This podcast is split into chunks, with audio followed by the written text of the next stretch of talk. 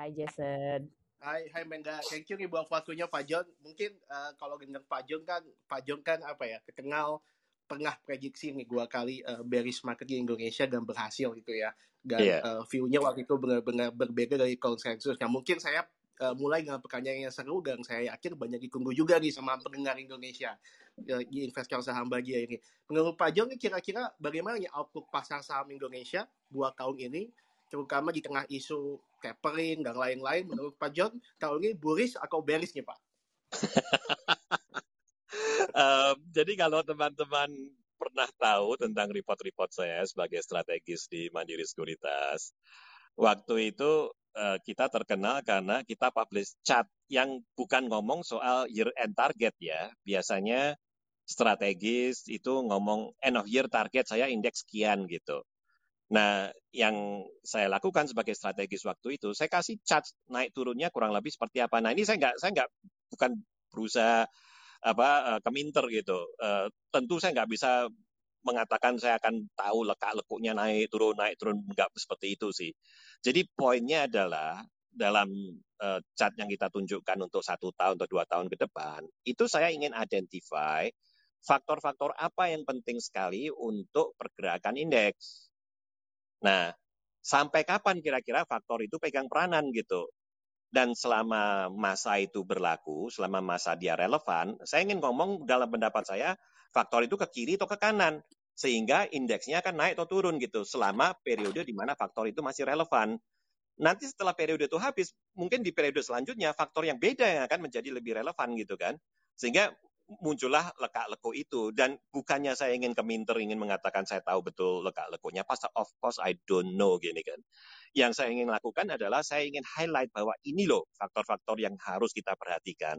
Pendapat saya yang faktor ini ke kiri atau ke kanan pendapat yang faktor ini ke kiri atau ke kanan. Sehingga indeksnya kan seperti ini. Tapi itu semua adalah opini gitu. Yang ya tentu saya saya backup dengan uh, data-data at the end of the day, of course, it's still the market gitu loh. The market will go wherever it wants to go. Nah, tapi contohnya waktu 2013, uh, sewaktu saya uh, uh, apa bikin sell call untuk the whole country ya, untuk Indonesia, itu uh, berdasarkan fundamental analysis tentang ekonominya sendiri sih. Jadi dalam pendapat saya, ekonominya dalam uh, posisi yang nggak terlalu enak, sehingga earnings generation-nya untuk listed companies itu akan depres di 2013-nya. Sehingga saya uh, apa call-nya sell dan itu saya kepagian saya bikin sell call itu di bulan Desember 2012. Dia tidak ambruk sampai Mei gitu. Jadi selama lima bulan saya dimaki-maki orang nih. Um, Tapi saya katakan kan alasan saya adalah seperti ini ini gitu. Faktor-faktor ini yang mendap dalam pendapat saya akan membuat earnings generation di 2013 itu buruk gitu. Kalau seandainya faktor-faktor yang saya sebutkan itu berbeda arah dari yang saya katakan, saya dengan happy akan mengatakan saya salah. Saya bukan bukan ingin saya bukan ingin menyebar agama atau apa gini ya. Bukannya saya penting, oh harus ajaran saya yang benar gitu sama sekali enggak. Kita kan ingin tahu uh, at the end of the day uh, bisa make money atau enggak gitu kan dari pasar itu yang ingin saya tekankan gitu. Nah sekarang kalau kita ngomong 2022, yang saat ini sedang terjadi, tadi kalau nggak salah uh, uh, Bernardus waktu memberikan uh, apa market outlook di awal ada pembahas ini kan. Saat ini kita menikmati inflow, Indonesia menikmati inflow. Nah ini ceritanya agak panjang sih sebetulnya. Karena sejak Indonesia nggak perform lagi dari 2018, itu sebetulnya investor asing itu sudah meninggalkan sekali uh, Indonesia.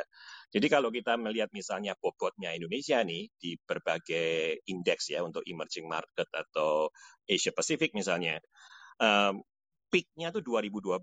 Waktu itu bobotnya Indonesia tuh sekitar antara 2 sampai 3 persen. Nah, sampai 2020-an, bobot itu udah turun ke sekitar satu persen. Jadi intinya karena demikian nggak perform, eh, bobotnya Indonesia di bursa dunia itu sudah sangat berkurang. Gitu. Jadi sebetulnya investor asing itu sudah makin lama makin nggak ngelihat Indonesia sampai sesuatu terjadi tahun lalu yang saya sebut Evergrande effect gitu. Nah ini terus terang saya keliru waktu pertama kali melihat ini terjadi. Jadi untuk background teman-teman, uh, property developer sector di Cina itu saat ini lagi mengalami tsunami gini kan. Uh, intinya mereka hutangnya terlalu besar dan uh, penjualannya terlalu kecil untuk mensupport uh, hutang yang demikian besar. Terus Xi Jinping, uh, uh, diktatornya Cina, itu merasa khawatir dengan beban hutang dengan uh, sebetulnya seluruh negeri sih, tapi terutama untuk sektor property developer. Jadi dia bikin aturan tentang free red lines gitu, yang semuanya sebetulnya sangat reasonable. Tapi intinya kalau perusahaan itu tidak bisa memenuhi tiga garis merah itu, maka perusahaan itu tidak diizinkan lagi untuk cari utang. Nah, ini yang membuat uh, awalnya cuma Evergrande ya, uh, kesulitan gitu. Evergrande waktu itu uh, perusahaan property developer terdua terbesar di Cina. Nah, waktu pertama kali saya dengar beritanya mereka kesulitan, tuh saya pikir bad news untuk Indonesia juga gitu. Tapi ternyata yang terjadi itu sangat berbeda. Jadi Cina itu adalah salah satu negara yang bobotnya paling besar gitu untuk fund-fund dunia, specifically untuk emerging market atau Asia Pacific. Jadi sewaktu uh, uh, Cina-nya goyang sekali, sebetulnya goyang bukan cuma property developer ya, tech sector juga dibukin ini kan oleh uh, Xi Jinping. Um, jadi banyak investornya pindah gitu kan, mereka ingin caw dari Cina, dia ingin keluar exit dari Cina, terus dia tanya mau ke mana gitu. Nah, salah satu yang dia cari negara yang relatif sukses untuk menghandle COVID dan ekonominya bisa diharap rebound gitu karena dia sukses menangani COVID. Salah satunya adalah Indonesia. Yang satu lagi adalah India gitu. Jadi dan India dan Indonesia itu September Oktober tahun lalu itu menerima huge inflow uh, dari dari Evergrande effect ini. Nah yang terjadi dari Januari tahun ini ini beda lagi itu. Sekarang kita uh, kalau kita ngomong soal risk factor yang paling utama ya di, dihadapin oleh banyak investor Amerika terutama itu terus terang masalah inflasi gitu kan dan reaksi the Fed reaksi the Fed ada tiga. Yang pertama dia tapering dulu, kemudian dia akan quantitative tightening, setelah itu dia akan hiking Fed funds rate gitu kan. Nah tiga ini semuanya sebetulnya bad news untuk baik bonds maupun untuk uh, saham gitu. Nah jadi banyak investor institusional sekali lagi yang di Amerika yang dia merasa oh, oh sekarang mungkin Amerika not such a good idea anymore gitu kan. Kita mau ke mana gitu. Dia cari negara yang diharapkan ekonominya bisa rebound kenceng dari resesi karena COVID. Dan kalau bisa current account-nya surplus. Karena salah satu risiko terbesar untuk investor Amerika keluar dari Amerika itu currency risk ini kan. Um, jadi kalau current account-nya lagi defisit, currency-nya akan under pressure gitu. Itu semua dimiliki oleh Indonesia gitu. Jadi um, sebulan dua bulan terakhir ini um, apa fund flow yang masuk ke Indonesia itu besar Nah, tapi saya ingin sampaikan, ini ini sekali lagi pendapat saya, di saat ini kita men, apa, menikmati masa enak ini kan uh, dengan flow asing masuk gitu. Yang membuat saya khawatir itu sebetulnya asumsi bahwa trade balance kita atau current account balance-nya Indonesia itu akan continue to be surplus. Nah, kalau teman-teman ingat uh, waktu 2018 nih, sewaktu bond market crash, uh, IHSG crash, Waktu itu harga minyak 80 dolar. Dan waktu itu banyak orang takut jangan-jangan ke 100 dolar. Itu sudah cukup untuk membuat rupiahnya sangat goyang gitu. Kenapa itu tidak terjadi sekarang? Karena kebetulan pas harga, harga minyaknya sekarang jauh lebih tinggi ya. WTI udah 95 dolar loh. E, 2018 cuma 80-an. Jadi kenapa itu tidak terjadi sekarang? Karena pas di harga minyaknya naik tinggi, harga komoditi yang lain juga setinggi langit ini kan harga coal price luar biasa, harga CPO price luar biasa gitu. Jadi trade surplusnya Indonesia rekor. Uh, itu yang membuat banyak investor asing comfortable sekali dengan rupiah sehingga masuklah mereka berbondong-bondong ke Indonesia. Jadi nah. poin saya adalah di saat di mana harga minyak itu lagi setinggi langit, tadinya tahun lalu kita bisa mengimbangi karena penerimaan dolar Indonesia dari coal dan CPO itu sangat tinggi juga tahun ini mungkin ceritanya beda karena ada keperluan domestik yang pemerintah eh, tidak bisa membiarkan kita ekspor-ekspor terus gitu. Itu kalau seandainya nanti muncul berita berita-berita, ini aja kan udah mulai kelihatan ya, trade balance kita bulan Desember anjlok besar gini kan, terus uh, bulan Januari turun lagi gitu. Jadi kalau yang tadinya trade surplus gede menjadi trade deficit, dan kemudian karena akan menjadi defisit gede, yang tadinya rupiah tenang-tenang itu mungkin akan jadi warning sign gitu. Jadi ini yang ingin saya sampaikan. Oke Pak Jok, uh, makasih. Mungkin kalau ada follow up question ya, kita kan biasanya uh, dulu kan terbiasa ya, wah indeks Amerika merah, besoknya indeks Indonesia merah. terkesan ada korelasi antara market Amerika dan market Indonesia. Cuman tiga bulan ke belak tiga bulan belakangan, terutama satu bulan belakangan, kekesan korelasinya putus nih Pak John kayak yeah. market Amerikanya merah, ISG-nya bahkan bisa diam bahkan cenderung kuat, bahkan bisa kebalik lagi indeksnya yeah. merah, besoknya bisa hijau di ISG. Nah, kira-kira menurut Pak John korelasi ini akan terus terjadi? Maksudnya uh, Indonesia dan Amerika berjalan sendiri atau lagi ujung-ujungnya ya geraknya akan sama lagi market Indonesia dan market uh, Indonesia uh, sorry Indonesia dan Amerika. Dalam pendapat saya korelasi itu udah lama ya putus. Uh, mungkin dari 2018 sih. Uh, intinya sudah nggak udah nggak ada alasan lagi untuk sinkron gitu. Uh, jadi tadi seperti saya katakan saat ini kalau kita ngomong US markets itu sebetulnya potensinya untuk big correction ya itu sangat besar dalam pendapat saya uh, separuhnya bukan cuma soal inflasi, jadi separuhnya kalau kita melihat sejarahnya Fed fund rate naik ya, uh, the Fed kan sudah kasih signal nih dia mau mulai naikin suku bunga gitu kan. Jadi kalau kita ngelihat 40 tahun ke belakang dari sejarahnya Fed fund rate, biasanya yang terjadi sewaktu Fed fund rate-nya naik, itu sering kali indeksnya Amerika naik sebetulnya karena uh, suku bunga naik itu biasanya karena ekonominya sangat kenceng, jadi perlu direm gitu kan. Tapi kalau hmm. kita perhatikan dalam 40 tahun terakhir, sewaktu kenaikan suku bunga Amerika itu udah top, di saat itulah indeksnya uh, equity apa Amerika itu crash. Karena biasanya suku bunganya itu top sewaktu tadinya ekonomi kuat jadi resesi ini. Wah, kebablasan gini kan, naikinnya terlalu besar. Nah, jadi itu yang mungkin akan terjadi saat ini di Amerika dalam pendapat saya. Tapi di Indonesia ceritanya sudah berbeda sama sekali gitu. Sebetulnya nih kalau kita nggak ngomong soal uh, ekspor coal dan CPO di dirusuin ini oleh pemerintah, sebetulnya outlooknya Indonesia tahun itu sangat-sangat bagus. Satu hal lagi yang saya nggak kurang suka ya, uh, Ibu SMI kan uh, mengusulkan untuk menaikkan tarif PPN gitu kan di bulan April. Itu dalam pendapat saya sangat-sangat keliru sih uh, terus terang. Karena ekonominya Indonesia belum begitu solid sehingga bisa mengabsorb kenaikan uh, PPN seperti itu gitu. Nah tentu saja pemerintah mengatakan oh ya saya siapin berbagai paket gini untuk membantu orang miskin dan sebagainya. Tapi kita tahulah di Indonesia administrasinya kan amburadul kan. Jadi eh, kalau PPN betul dinaikin nih, korbannya itu akan sangat banyak sekali di saat di mana ekonominya belum terlalu kuat.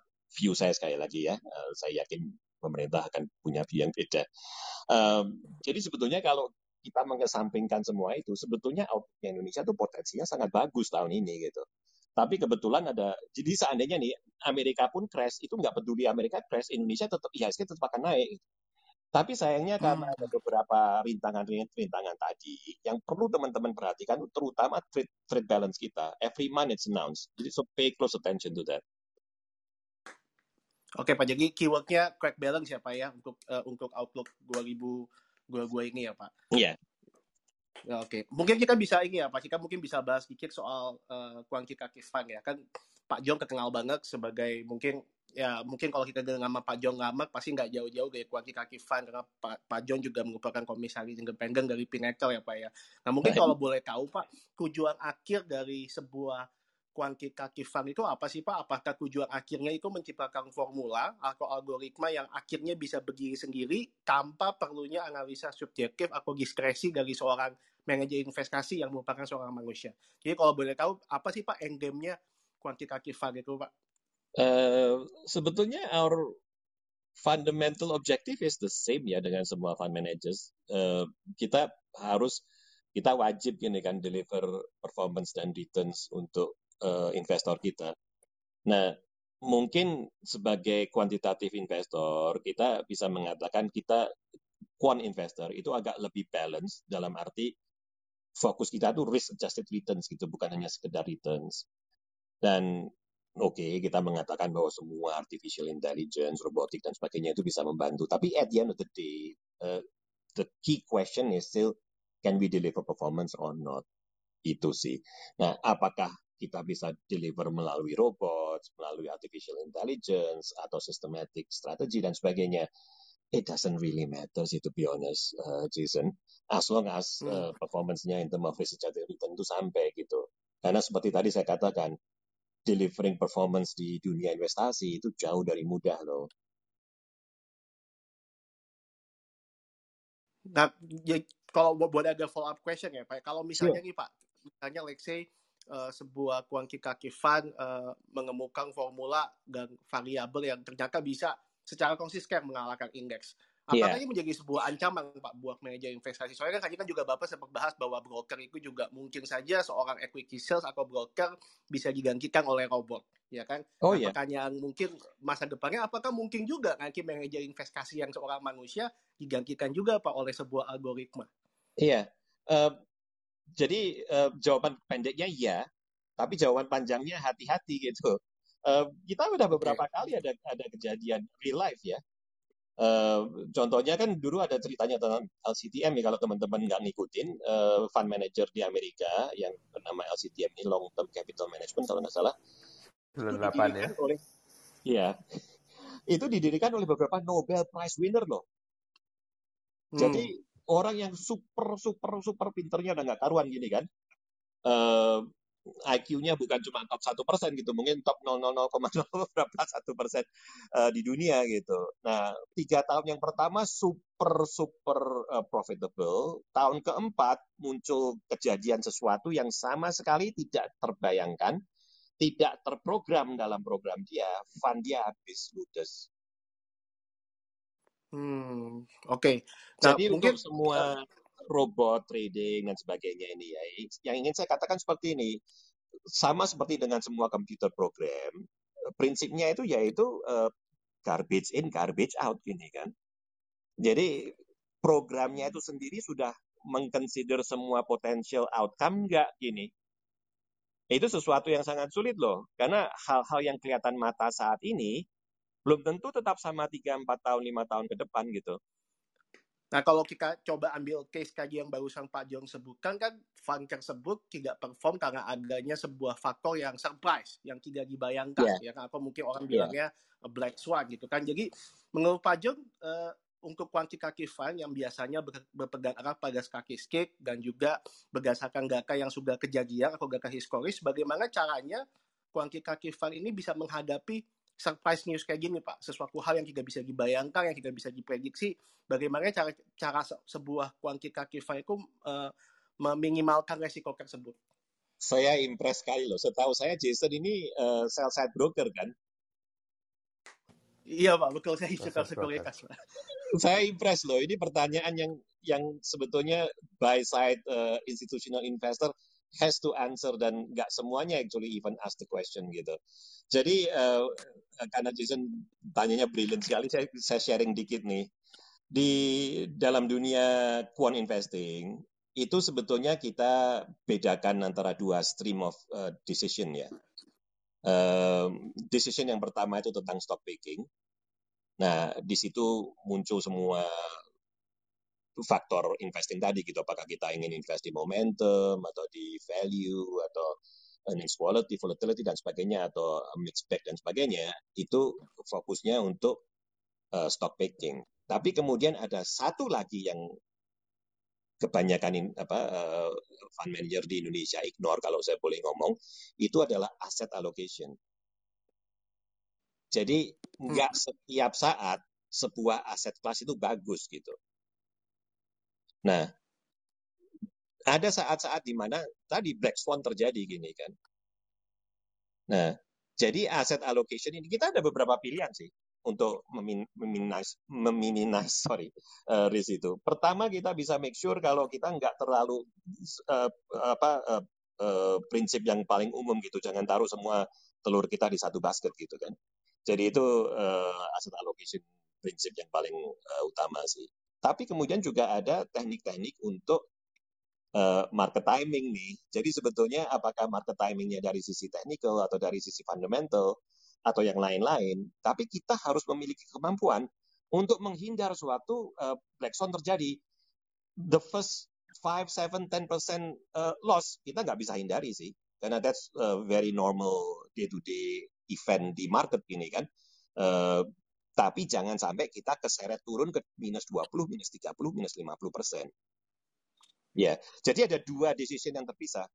Kita sendiri sewaktu kita formulate our strategy itu kita very clear. Yang ini kita harus very good at stock picking, tapi yang ini kita harus bisa manage our risk. Dua-duanya sangat penting. Oke Pak Jadi, jadi tetap ini ya Pak Jadi sebuah kuantitative itu juga sangat masih dibutuhkan uh, apa ya intervensi dari seorang manusia ya Pak, terutama setelah ada kejadian Black Swan, tentunya intervensi manusia itu masih boleh-boleh saja ya Pak ya buat kuantitative fund jadi. Tahun ini 2022 ya, di tahun ini pernyataan itu masih benar Jason. Saya nggak tahu mungkin lima tahun uh, ke depan. Hmm, oke. Okay. Mungkin ini Pak yang terakhir ya Pak. Saya yeah. ada pertanyaan terakhir. Masih banyak sih Pak pertanyaannya, tapi mungkin waktunya terbatas. Mungkin Pak John juga sudah malam di sana. Jadi uh, pertanyaan terakhir saya, mungkin kan pagi Pak John sempat bahas soal revolusi industri 4.0 kan ada beberapa pekerjaan yang dulunya nggak ada tiba-tiba sekarang ada yang sekarang ada mungkin bisa hilang tadi juga Pak John sempat mention soal mungkin saja nanti equity sales itu digantikan oleh sebuah robot. Nah mungkin pertanyaan saya dari pengalaman Bapak sebagai head of research uh, waktu itu, uh, kalau misalnya Pak Jo mau memberikan saran kepada saya kan kerja di Sukor Sekuritas, tentunya kita sales side broker dan kebetulan profesi saya equity sales. Kira-kira bagaimana uh, nasihat Pak Jo buat uh, saya yang misalnya bekerja sebagai equity sales, supaya saya tidak tergantikan Pak oleh robot. Hal-hal apa yang harus saya miliki, skill-skill apa yang harus saya miliki. Kalau nggak, kan saya hilang pekerjaan Pak, karena saya tergantikan oleh robot gitu Pak. Waduh, ini saya jadi gak enak nih, saya di, di, di, dipototin sama Bro Budi nih kalau kalau menjawab. Uh, oh no no. jadi uh, dan ini pertanyaan Jason cukup umum ya, maksudnya kita semua tahu kan uh, tentang industri 4.0 coming ya Uh, jadi discussion ini bukan hanya terbatas untuk uh, salesnya sales side broker sih, frankly speaking. Jadi ada dua elemen yang perlu kita uh, perhatikan. Jadi satu itu dalam dalam bagaimana kita survive industri 4.0 ya. Jadi satu itu mencari pekerjaan yang nggak bisa di replace oleh robot gitu kan. Uh, tapi yang kedua juga kalau bisa uh, pekerjaannya paid. Jadi misalnya kalau nggak bisa di replace oleh robot, ya udah jadi hairdresser aja kan. Uh, siap kalau dikasih pilihan mau dipotong pangkas rambut oleh manusia atau oleh robot, saya rasa semua customer pilih dipangkas rambut oleh manusia gitu kan. Uh, jadi karir itu sangat aman gitu dari industri 4.0. Cuma masalahnya dia highly paid atau enggak. Nah, jadi hmm. uh, untuk menjawab pertanyaannya Jason tadi harus dua ada dua elemen itu gitu. Nah, jadi untuk specifically untuk salesnya sell side broker ya, Jason harus tanya diri sendiri gitu. Selama ini uh, sales yang jago, ngomong-ngomong saya bukan sales ya, saya nggak punya sama sekali nggak punya bakat untuk jadi sales yang baik gitu. Makanya kadang-kadang saya melihat teman-teman yang sales yang luar biasa dan biasanya kalau ini ini kalau sorry agak dulu waktu uh, Indonesia lagi hot-hotnya nih di, di kalangan uh, banyak global uh, brokers gitu kan. Uh, seperti kita tahu Bro Budi dulu uh, country chiefnya salah satu global broker terbesar gitu di Asia Pasifik. Uh, itu biasanya mereka sales. Nah, jadi kalau dibandingin antara sales dan research ya, itu biasanya yang lebih highly paid itu sales loh sebetulnya. Nah, jadi pertanyaannya itu apa yang membuat sales Kecuali itu... researchnya John Rahmat. bisa aja, bisa aja bro, Budi. Uh, jadi kita harus tanya diri kita sendiri, kita sebagai sales, apa yang kita lakukan sehingga membuat fungsi kita sebagai sales itu begitu valuable untuk company kita gitu. Dan kemudian kita tanya, apakah yang kita lakukan yang tadinya sangat valuable itu bisa di-replace oleh mesin atau enggak? Ini saya ingin sharing ya dengan Jason ya, kalau boleh. Jadi di boleh, boleh, Pak Iya, di Eropa itu sudah muncul aturan namanya MIFID kedua, MIFID 2. Nah, apa tujuannya MIFID 2? Itu institutional investor itu dipaksa untuk menjustify setiap elemen spending ya yang di charge ke investor. Jadi intinya nih kalau fundnya charge expenses untuk ini dan itu, dia harus bisa menjustify ke investornya bahwa setiap masing-masing item di expenditure dia itu sudah optimal gini. Jadi artinya apa? Untuk broker, biasanya saat ini sell side broker itu ngecharge-nya kan bundle ya. Uh, sell side broker itu memberi jasa ke institutional investor itu satu bundle di samping dia kita melayani dia jual beli saham, kita juga melayani kalau dia ingin ketemu uh, manajemen, gini kan, terutama ini penting untuk yang asing nih, yang dari Amerika atau Eropa atau Hong Kong pengen datang ke Indonesia, kita yang ngatur uh, hotelnya, tiketnya, selama di Jakarta kita yang bawa mereka keliling dan sebagainya gitu kan. Itu juga servis dong, ya kan? Hmm. Uh, Jason kan nggak charge terpisah, nggak, nggak kita invoice terpisah, eh ini biaya hotel sekian, biaya mobil kan nggak gitu. Jadi itu semuanya dibundle dalam broker commission. Nah, kalau ngikutin MIFID 2 di Eropa, itu nggak boleh lagi dibundle. Harus masing-masing di charge separately. Hmm. Nah, itu yang membuat broker commission anjlok sekali gini. Jadi kalau dulunya kita bisa bilang ya kita mahal, tapi kan kita sediain ini, sediain itu gitu kan. Nah, itu sekarang masing-masing dicas sendiri-sendiri. Jadi eh, dalam menjawab pertanyaan Jason, Jason harus tanya diri sendiri gitu, sebagai sales yang jago, apa sih yang saya lakukan yang demikian valuable untuk perusahaan gini kan? Satu-satu tuh harus uh, Jason uh, analisa, dan kemudian kita tanya sendiri, itu bisa diganti oleh manusia atau enggak gitu. Eh, sorry, diganti dengan robot atau enggak. Untuk kasih contoh yang gampang aja nih, ada satu eksperimen di Amerika gini kan, untuk apa uh, karir lawyer. Nah, lawyer ini kan sering kali orang merasa, ya harus manusia dong, ini kan.